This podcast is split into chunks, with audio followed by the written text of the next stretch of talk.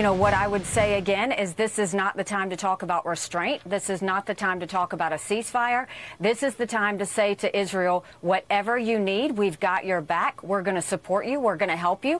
And this is a time to call out Iran. Don't ever forget there would not be a Hamas without Iran. There would not be a Hezbollah without Iran. There would not be the Houthis without Iran. And so we need to make sure that Iran is very aware that we're going to have Israel's back regardless of how many hostages they release. We're going to have Israel's back regardless of how many rockets they try and um, send over to intimidate. We're going to have Israel's back. And if any American or any Israeli is killed in this process, there's going to be hell to pay. And they need to know that. Ja, doe wat nodig is, zegt Nikki Haley op Fox News tegen Israël. En dat geeft toch wel een beetje de toon aan in de Republikeinse partij en ook wel breed in de Amerikaanse politiek. Israël mag zich niet alleen verdedigen, Israël moet nu huishouden in de Gazastrook om te voorkomen dat Hamas ooit nog een aanval op Israël kan plegen. Ja, en ik breng dat te bedden omdat die hele discussie over het Midden-Oosten natuurlijk hier ook woedt. Hè. Het verdeelt uh, ook de Nederlandse samenleving, het verdeelt ook de politiek. En uh, ik wil niet net doen alsof dat in Amerika niet zo is. Sterker nog, in Amerika gebeurt dat ook. Maar breed in die Amerikaanse politiek en ook wel breed in de Amerikaanse media is er een grote steun voor Israël. Dat is toch wel een groot verschil met hier. Ik heb ook geprobeerd uh, in diverse programma's uh, en ook in deze podcast om uit te leggen waarom dat zo is.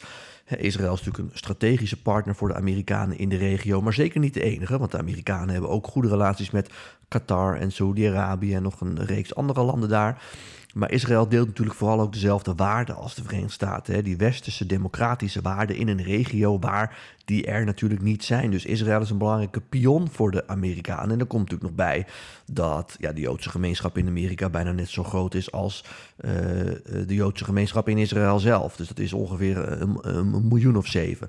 En last but not least, uh, er zijn natuurlijk ook heel veel rijke Joodse zakenlieden die Amerikaanse politici sponsoren en daardoor ook heel veel invloed hebben. Nou is dat laatste, uh, dat vind ik wel belangrijk om te benoemen, maar niet van mega groot belang, want zo kunnen we ook een hele lijst maken met Mormoonse uh, en andere uh, rijke zakenlieden die uh, veel geld uitgeven aan politici. Dus het laatste punt wil ik wel noemen, maar is niet van het grootste belang. Die andere drie, hè, een belangrijke partner in de regio, een toch westerse democratie in die regio natuurlijk een belangrijk punt in de wereld voor de Amerikanen. Uh, en het feit natuurlijk dat uh, de Joodse gemeenschap in Amerika goed vertegenwoordigd is. Dat maakt dat Israël een belangrijke partner is. En omdat zij zo'n belangrijke partner zijn, zijn zij vooral ook belangrijk in de strijd tegen een grote gezamenlijke vijand, namelijk Iran. En dat zie je ook terug, onder andere bij uh, Nikki Haley en andere republikeinse presidentskandidaten die over elkaar heen buitelen om hun steun voor Israël uit te spreken en vooral ook om duidelijk te maken dat ja, hoewel er natuurlijk proportioneel gereageerd moet worden, hoewel het oorlogsrecht, niet moet ik zeggen, niet geschonden mag worden, Israël toch niet uh, al te streng in de gaten moet worden gehouden. Israël moet gewoon doen wat nodig is. Je hoort het Nikki Haley zeggen. Ik hoorde het gisteren Mike Pence uh, zeggen. Donald Trump heeft wat kritiek gekregen van zijn partijgenoten, omdat hij heeft gezegd: ja, Hamas was gewoon heel slim en de Israëliërs hebben daar een steek laten vallen. Nou, daar krijgt hij veel kritiek op. Ik denk eerlijk gezegd dat veel Republikeinse kiezers hem dat wel vergeven. Ze vergeven A, Trump alles en B, uh, is natuurlijk ook best een onderdeel van de discussie wat daar precies mis is gegaan uh, en hoe Hamas daar heeft kunnen huishouden. Dus op zich snijdt Trump daar wel een terecht punt aan, al verwoordt hij dat natuurlijk erg ongemakkelijk. Maar ook Trump staat vierkant achter Israël. Nou, en dan op democratische zijde, daar zie je iets meer van een discussie. Ik heb eerder gezegd, Bernie Sanders en een aantal andere progressievere politici die zeggen ja, natuurlijk moet Israël zichzelf kunnen verdedigen, maar we moeten ook ervoor zorgen dat uh, uh, de mensen in Gaza beschermd worden, dat daar voldoende hulp naartoe gaat. En die kunnen niet daar zomaar weggemaaid worden. Hè. Ik haalde net even dat fragment aan van Nikki Haley bij Fox News. Op een gegeven moment zegt de presentator ook van ja, ze zullen van de Gaza-strook één grote parkeerplaats maken. De vraag is, wat doe je daarna met die parkeerplaats? Dat zijn de termen waarin er over dit conflict gesproken wordt op Fox News met die Republikeinse presidentskandidaten. En je ziet dus dat er mensen zijn die daar wel kritiek op uiten. Je ziet dat dus binnen de Democratische Partij, je ziet het ook binnen de Republikeinse Partij, Vivek Ramaswamy bijvoorbeeld, die zegt ja, al die hulp die we naar Israël sturen al decennia lang, heeft dat allemaal wel zin? Moeten die niet op eigen benen kunnen staan? Maar de gemene deler is toch wel in beide partijen uh, dat die steun voor Israël ontzettend groot is.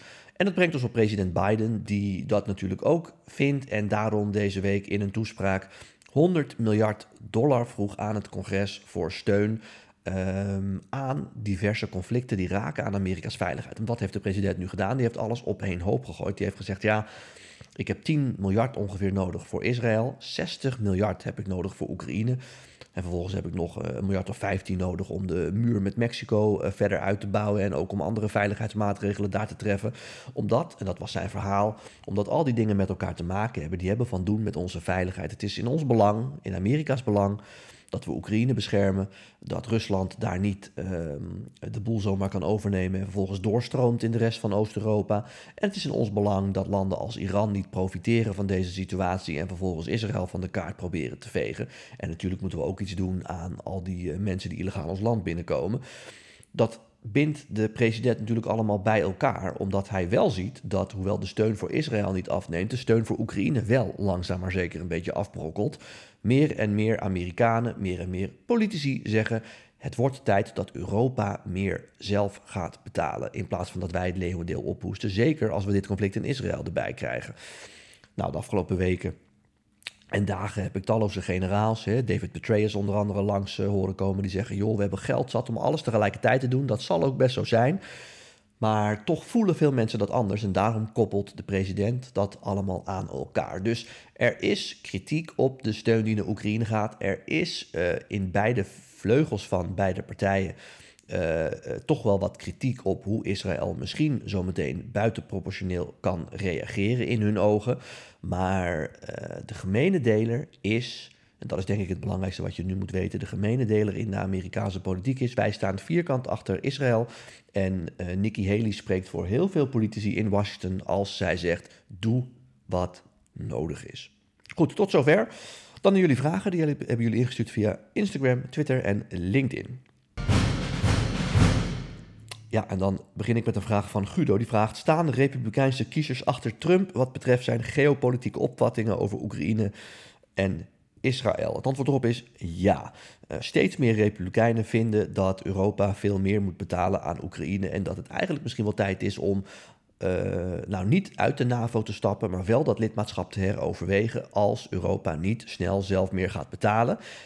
En uh, ik zei het net, uh, hoewel Trump natuurlijk kritiek heeft geuit op Netanyahu, die heeft gezegd, ja, Hamas was heel slim. Dat is misschien niet handig en niet politiek correct, maar veel republikeinen zullen daarvan denken, ja, dat is natuurlijk ook gewoon zo, maar we moeten Israël wel volledig steunen en dat zegt Trump ook. Dus zij zijn het daarmee eens. Dan vraagt Kevin even breed naar de standpunten van de kandidaten met betrekking tot Oekraïne eh, en Israël en de militaire steun van Europa. Nou, die heb ik denk beantwoord, Kevin, net. Uh, dan is er voor beide partijen geen beter alternatief voor een presidentskandidaat. Ja, uh, die zijn er wel, maar eh, die kunnen nu niet winnen of die doen niet mee. Uh, Rudy vraagt dat. Ehm, Rudy, ik heb het vaker gezegd, er zijn democraten, waaronder de gouverneur van Californië, Gavin Newsom, die warm lopen om mee te doen aan de presidentsverkiezingen, maar die willen Biden niet voor de voeten lopen. Dus die doen nu gewoon niet mee. Ja, en bij de Republikeinen hebben we natuurlijk heel veel alternatieven. En als de voorverkiezingen echt gaan beginnen, zal januari, februari zijn. Dan zullen we zien of die enige deuk in een pakje boter kunnen slaan. Dan vraagt Mariska: zou er bewust geen meerderheid uh, zijn voor een nieuwe speaker om de hulp in, voor Oekraïne en Israël on hold te zetten? Ja, want Biden heeft inderdaad om die 100 miljard gevraagd, maar voorlopig komt hij er niet, want er is geen speaker, er is geen voorzitter van het congres, hè, van de, het Huis van Afgevaardigden. Betekent ook dat dat hele voorstel van de president niet behandeld kan worden. Uh, ik denk niet dat dat bewust is. Sterker nog, ik denk dat uh, wat er in Israël gebeurd is heel slecht uitkomt, omdat um, er is gewoon binnen een deel van de Republikeinse Partij onvrede over Washington in zijn geheel. En dat er een klein clubje is dat de boel daar opblaast, waardoor er nu geen speaker is. Ja, dat vindt dat deel van de Republikeinse achterban helemaal niet zo erg. Alleen nu er echt een internationale crisis is en Amerika daar gewoon een leidende rol in heeft en moet nemen, is dat natuurlijk wel erg. Dus ik denk eerlijk gezegd dat deze speakersstrijd ze achteraf niet erg fijn uitkomt omdat ook dat geld richting Israël gewoon goedgekeurd moet worden. Dus ik denk eerlijk gezegd dat die nieuwe speaker in een stroomversnelling komt. Die strijd daaromtrent en dat er mogelijk een tijdelijk iemand daar wordt neergezet. Die tot en met januari of zo de lopende zaken kan afhandelen.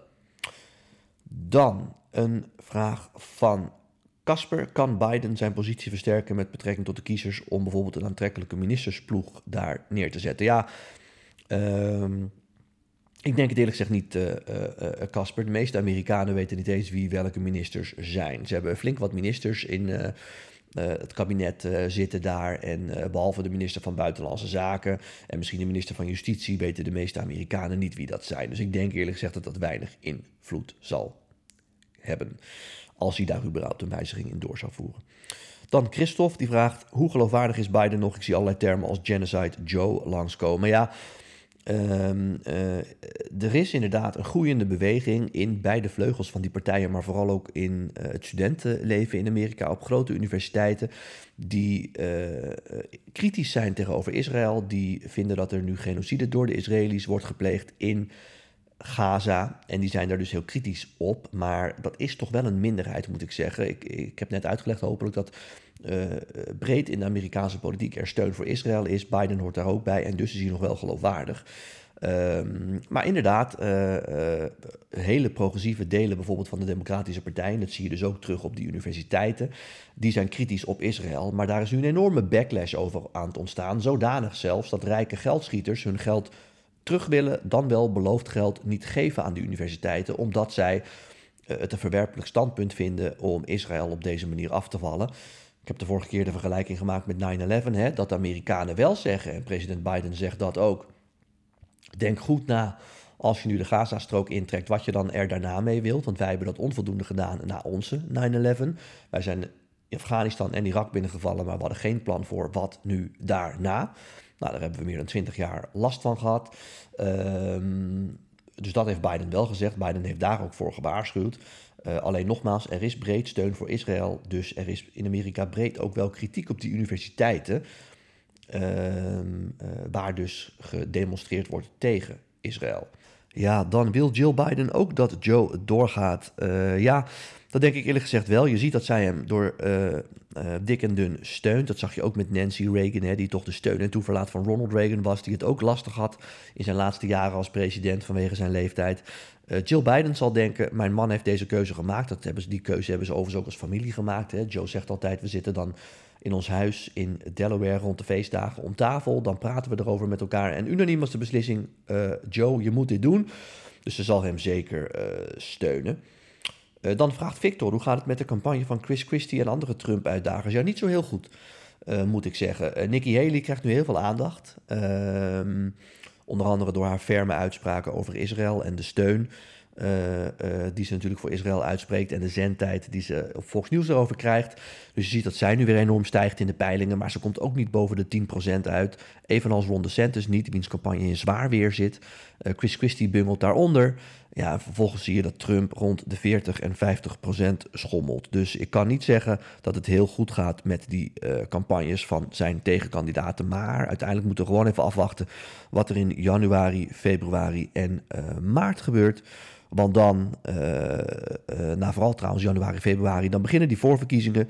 Eerst natuurlijk in Iowa, dan New Hampshire, dan South Carolina. En dan zullen we erachter komen Um, in hoeverre enig, eh, ja, een van hun uh, een deuk in een pakje boter kan slaan. En dan moet er ook uiteindelijk één iemand overblijven om het tegen Trump op te nemen. En dan zullen we zien hoe het met die campagnes echt gaat, maar voorlopig niet goed.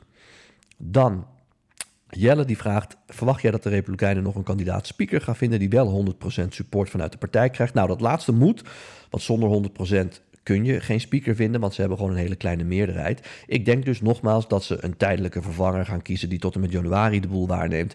En uh, daarna weer verder kijken. En ik denk eerlijk gezegd dat als die man of vrouw er tot januari zit, dat mogelijk de conclusie dan wel is, misschien moet hij dan ook maar het karwei afmaken. Dan uh, laatste vraag van Tobias. Hoe moet het verder in het Huis van Afgevaardigden? Wil daar nog iemand speaker worden? Ja, dat is natuurlijk een beetje uh, dezelfde vraag. Maar Tobias voegt eraan toe.